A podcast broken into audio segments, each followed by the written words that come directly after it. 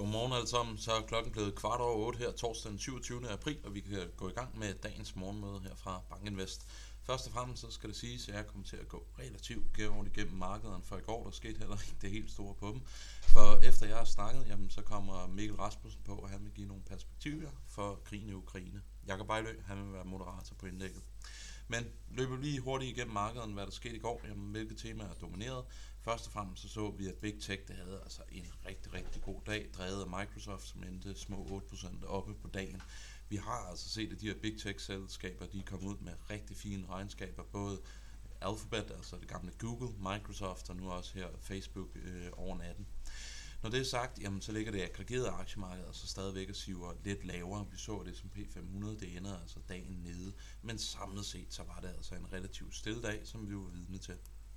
Det har jeg taget med her på slide nummer 4.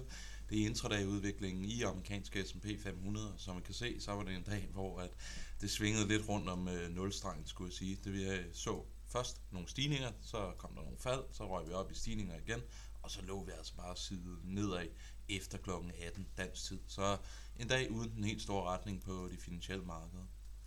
Hopper vi til slide nummer 5, jamen der viser udviklingen i de her famøse fangmandaktier over 2023 som helhed, og der kan vi jo bare konstatere, at det har været et rigtig, rigtig godt år for de store big selskaber big tech-selskaber. Noget, der i den grad er gået imod den generelle konsensus, da vi startede året, hvor eksempelvis Fondmanager Surveyen viste en meget, meget stor udbredt grad af negativitet mod netop de her store aktier. Men de har altså klaret det rigtig, rigtig flot, og Microsoft efter gårdsdagens stigning ligger på de højeste niveauer for 2023.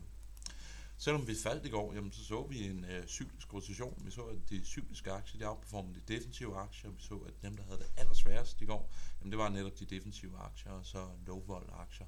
Så under overfladen, så var der altså lidt positiv stemning og spore for første gang, vil jeg sige, igennem øh, lidt længere tid. Og nu er der jo rigtig meget, meget snak omkring den her korrektion, vi er inde i, men øh, ser du bare på de aggregerede afkast for Nasdaq-indekset, det er mørkblå linje, og S&P 500, så ligger vi altså på rigtig, rigtig fine niveauer år som helhed. Nasdaq, det er altså op 13,26 procent, så indtil videre, så er der altså ikke den helt store panik at spore i de globale finansielle markeder.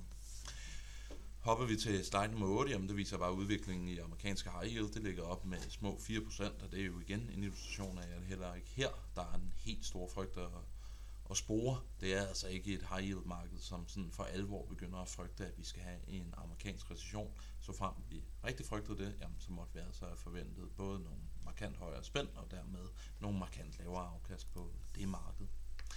Her for morgenstunden, hvad kommer til at ske i dag? Jamen først og fremmest, så skal vi jo nok fordøje det her meta-regnskab, der er kommet ud efter det amerikanske marked er lukket. Så får vi amerikanske BNP-tal, vi får jobless claims, som altid på en torsdag. Og så er det nok lidt stillhed før PC-rapporten i morgen. Her for morgenstunden, lidt blandet marked i Asien. Amerikanske aktiefutures ligger rigtig øh, flot oppe. Med disse ord, så vil jeg overlade ord til dig, Jacob. Og Mikkel. Ja, tak. Mange tak for det. Mange